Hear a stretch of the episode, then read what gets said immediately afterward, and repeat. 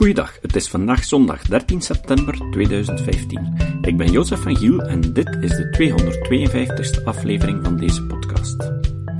Na de laatste aanslagen in Parijs wordt er weer overal gediscuteerd hoe jongeren zo ver kunnen komen om zulke verschrikkelijke dingen te doen. Je kan opnieuw het aantal keren tellen dat politiekers zeggen dat het niets met de islam te maken heeft. Je kan ook overal commentatoren lezen die nog eens beleiden hoe schuldig het Westen zelf is aan deze gebeurtenissen. Maar misschien moet je het allemaal zover niet zoeken. En gewoon luisteren naar wat die terroristen zelf zeggen. Ze zeggen continu dat ze het in naam van God doen. Ze scanderen Allah Akbar. Allah is groot. Zou het dan toch kunnen zijn dat die religie er wel degelijk iets mee te maken heeft? Op 20 november hield Maarten Boudry een toespraak over dit onderwerp aan de Universiteit van Utrecht en wij mochten het van hem inspreken. O ja, en heb je zijn nieuwe boek, Illusies voor gevorderden, al? Het gaat over de schadelijkheid van illusies. Onder andere de illusie dat religie er niets mee te maken heeft. Is religie een struikelblok voor integratie? Dames en heren, ik wil de vraag die vandaag voorligt positief beantwoorden. Religie vormt wel degelijk een struikelblok voor integratie. Daarvoor zal ik twee soorten redenen onderscheiden.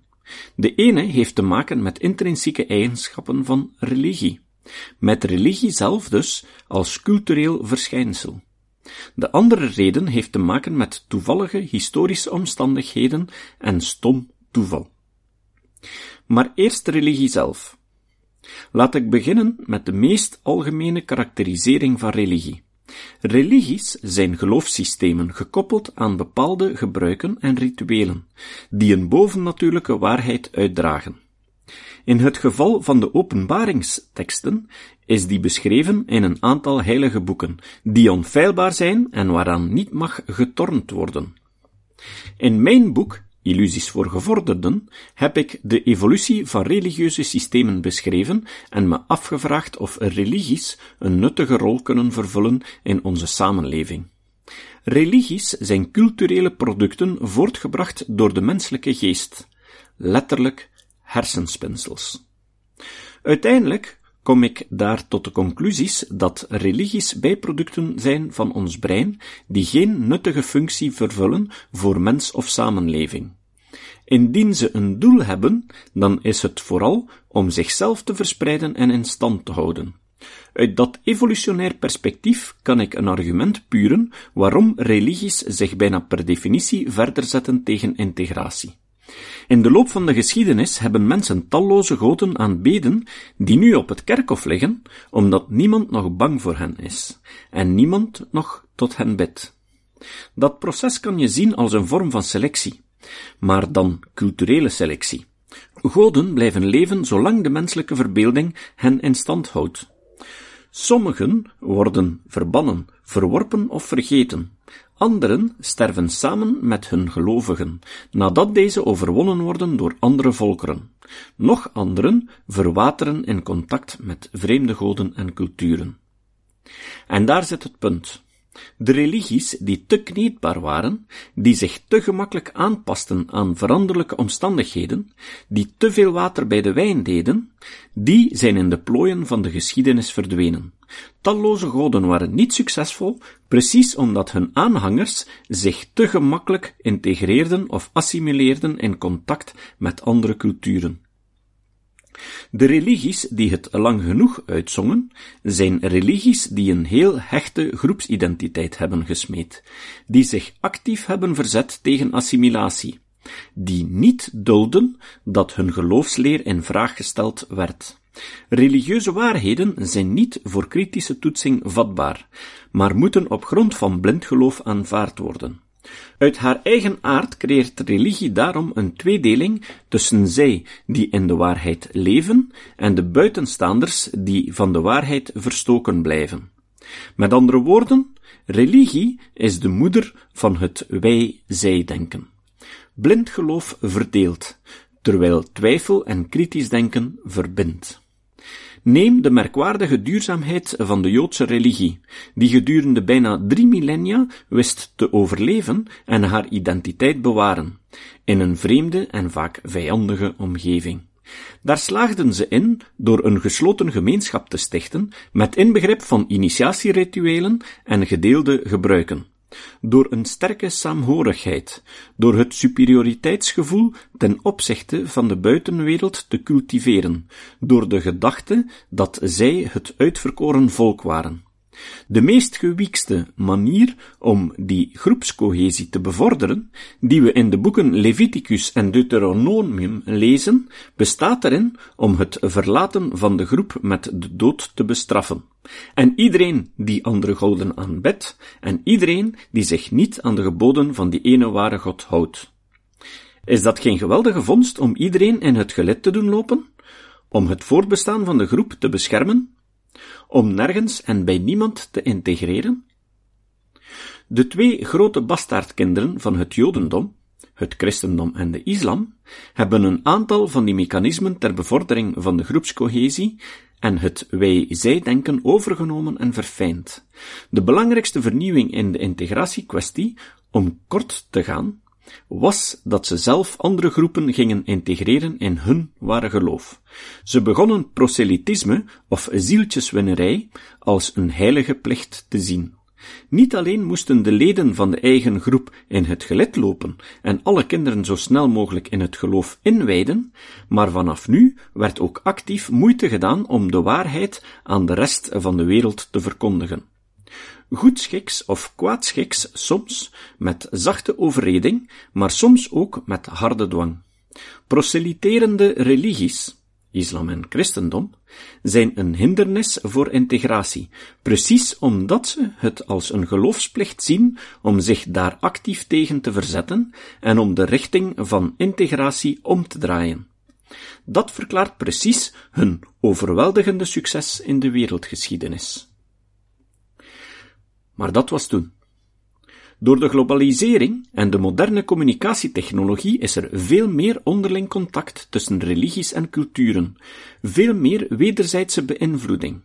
Door de opkomst van verlichting, met haar waarden van vrij en kritisch onderzoek, worden religies vandaag blootgesteld aan gevaren die ze eerder in hun geschiedenis niet kenden.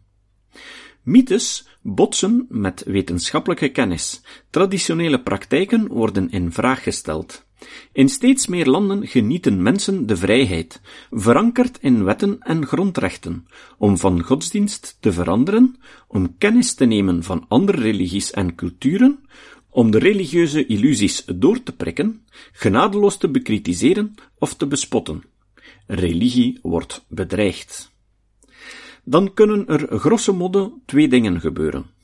Ofwel verslapt de groep van religie op onze menselijke geest, verwatert de groepscohesie, worden rituelen en gebruiken steeds minder nageleefd en verdampt het geloof in doctrines. Scherpe randjes werden afgeveild, verwerpelijke praktijken afgeschaft, bizarre doctrines met de stille trom afgevoerd. Religies matigen ook hun ambities. Gelovigen aanvaarden de scheiding tussen kerk en staat en het primaat van de seculiere rechtsorde boven de religieuze bepalingen. Zij maken goddelijke wetten ondergeschikt aan menselijke wetten. Ze proberen hun geloof niet langer aan de rest van de wereld op te dringen. Ze treden in contact met mensen van andere gezinten. In onze kontrijen werden vele religies de laatste eeuwen gelouterd door de waarden van humanisme en verlichting. Sociologisch onderzoek laat zien dat dit proces nog steeds verder schrijdt. Na enkele generaties is de macht van God zodanig afgekalfd dat hij slechts een schim is van wat hij ooit was. Liberaal geloof lijkt een tussenstadium op de spoorweg van de secularisering. Mensen verliezen ofwel hun geloof, of ze behouden enkel nog de rituelen en symbolen, ontdaan van elke doctrinaire lading. Zij die gelovig blijven, keren de religieuze instituties de rug toe en beleiden een private vorm van spiritualiteit. Maar er is een andere, tegenovergestelde mogelijkheid. In confrontatie met de bedreigingen van de moderne cultuur gaan sommige religies verkrampen en op zichzelf terugplooien. De aloude mechanismen om de groepscohesie te bevorderen worden met alle macht ingezet om aan de verlokking van de moderne wereld, consumptie, vrijheid, aardse geneugden, te weerstaan en zich terug te trekken in hun eeuwige waarheden.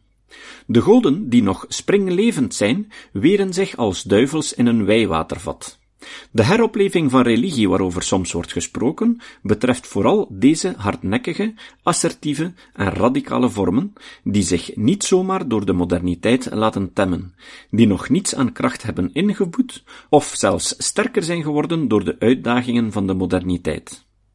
Precies die religies boeken cultureel succes en zijn een struikelblok voor de integratie.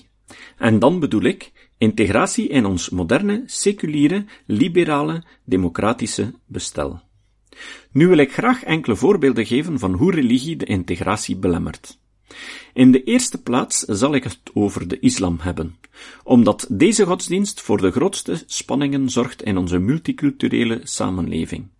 Tot op zekere hoogte zijn deze bedenkingen echter ook van toepassing op het christendom, dat, hoewel deels gelouterd door de verlichting, ook strekkingen kent die zich terugtrekken in fundamentalisme. Banvloeken over homoseksualiteit. De Abrahamse religies hebben van oudsher een obsessie met wat we uitspoken in onze slaapkamer. De seksuele normen die beleden worden door de islam, christendom en jodendom zijn heteroseksueel. In heilige teksten wordt homoseksualiteit in de strengste termen veroordeeld als een vreselijke zonde en vaak met de dood bestraft. De meeste vormen van het christendom zijn ondertussen geïntegreerd in de moderniteit en hebben hun banvloeken over homoseksualiteit enigszins afgezwakt. Ze vinden het nog steeds zondig, maar ze vinden niet langer dat het moet bestraft worden. Of ze vinden de daad wel zondig, maar hebben begrip voor de zondaar. In vele strekkingen binnen de islam is deze integratie nog ver te zoeken. Onderzoek van socioloog Mark Elgardus wijst uit dat een kwart van de moslimjongeren in Gent en Antwerpen geweld tegen homo's gerechtvaardigd vindt. Drie keer zoveel als bij Vlaamse scholieren. Een enquête bij 500 moslimjongeren uit het Verenigd Koninkrijk wijst uit dat niemand homoseksualiteit moreel aanvaardbaar acht, en dat 61% die geaardheid terug buiten de wet wil stellen. 55% van de West-Europese moslims wil geen homo als vriend. Wie ontkent dat de islam een voedingsbodem biedt voor homofobie en een struikelblok vormt voor integratie, is ziende blind. Interreligieuze huwelijken het taboe binnen de islam over huwelijken tussen een moslima en iemand van buiten de geloofsgemeenschap. Dit is een heel concreet struikelblok voor integratie. Huwelijken tussen moslimmannen en vrouwen buiten de geloofsgemeenschap komen vrij regelmatig voor. Maar het omgekeerde is veel minder gebruikelijk. Opnieuw heeft deze bepaling een religieuze motivatie. Volgens de Koran mogen mannen met christelijke of joodse vrouwen trouwen, maar moslimas nooit met een niet-islamitische man. Surah 60, 10.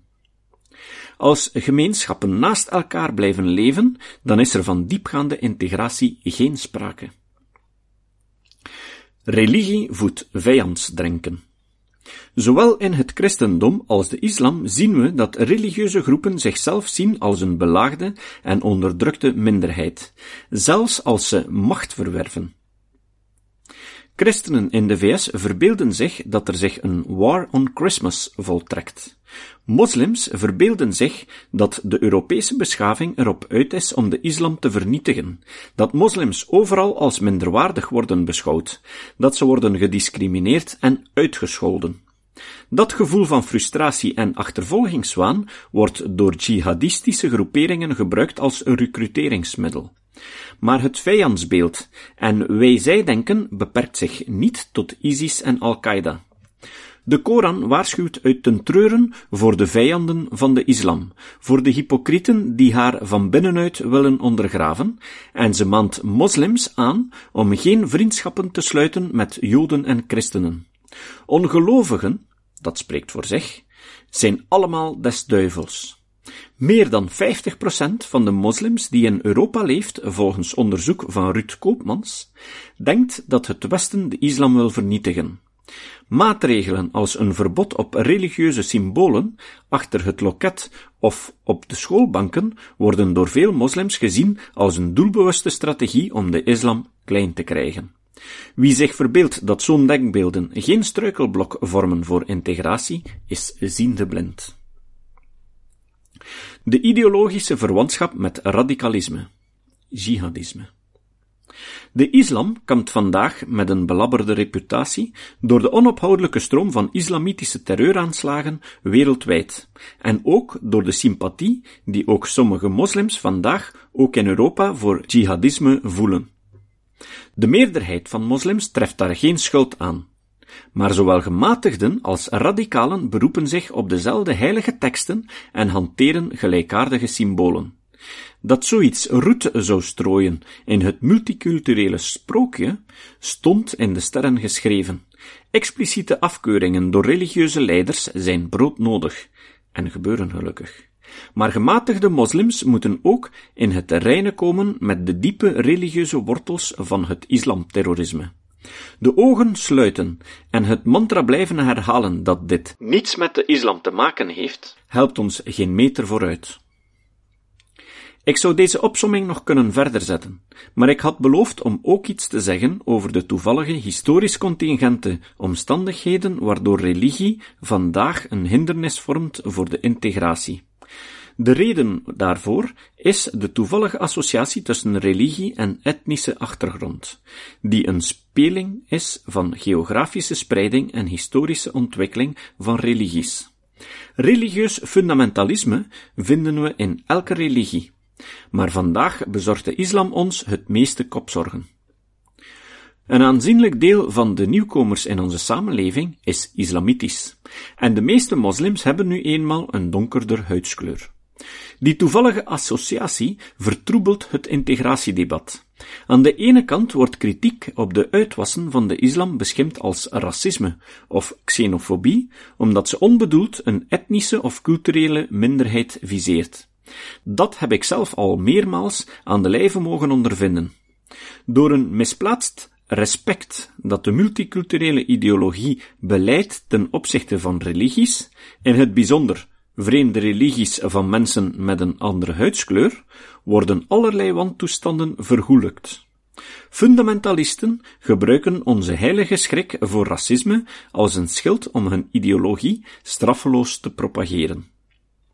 Aan de andere kant moeten we ook erkennen dat echte racisten zich achter verlichtingswaarden en religiekritiek verschuilen om zich meer salonfähig te maken. Dat gebeurt in Vlaanderen met name bij het Vlaams Belang. Doordat de kritiek op islam lang een braakliggend terrein was, waar andere politieke partijen zich zo ver mogelijk van houden, heeft het Vlaams Belang dat terrein lange tijd opgeëist en naar zich toegetrokken.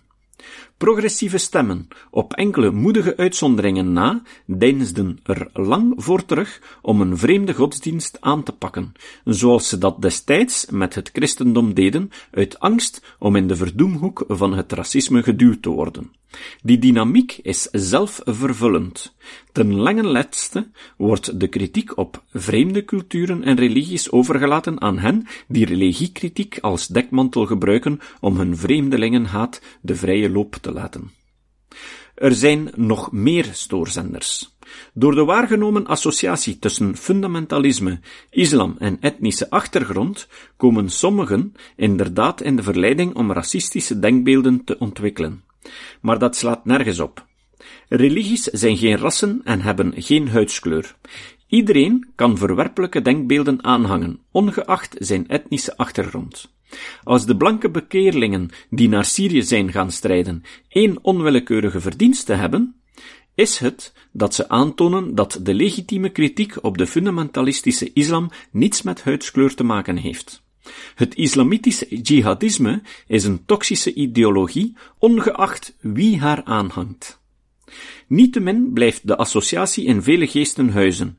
Niet alleen worden gematigde moslims vandaag, zeker na de gruwelijke aanslagen in Parijs, met argusogen bekeken, maar mensen met een donkere huidskleur kampen met dezelfde vooroordelen over die religie die met hun huidskleur geassocieerd wordt, zelfs als ze niet tot die religie behoren.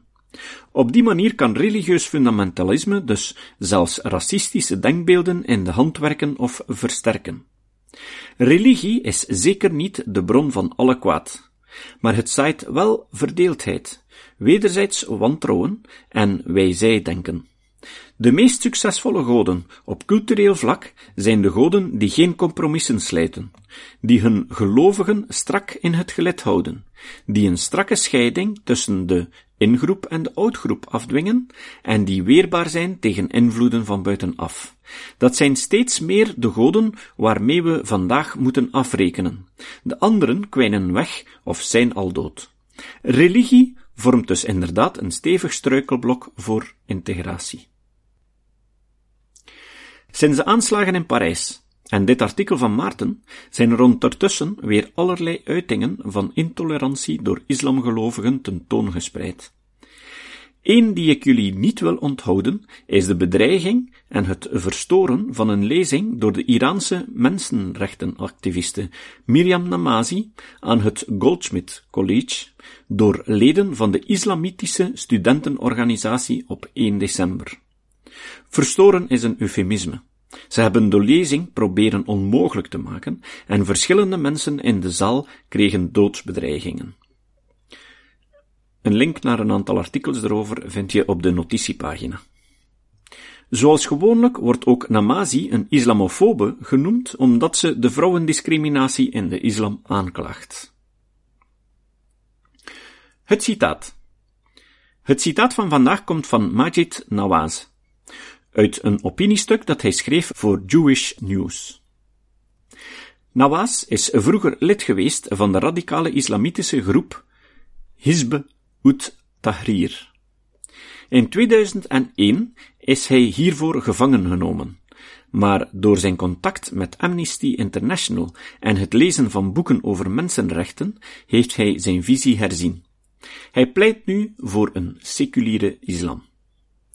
Nawaz zei, Neem nu de term islamofobie, dat jammer genoeg verspreid werd als een schild tegen kritiek, zelfs tegen andere moslims. Als een idee zou de islam onderworpen moeten worden aan dezelfde toetsing dat we zouden verwachten van gelijk welk ander idee. Dat is de reden waarom islamofobie een ongelukkige term is dat soms gebruikt wordt om de vrije meningsuiting te muilkorven. Daartegenover zijn xenofobie en homofobie bijvoorbeeld wel goede termen. Tot de volgende keer. Deze podcast is het resultaat van het werk van veel mensen.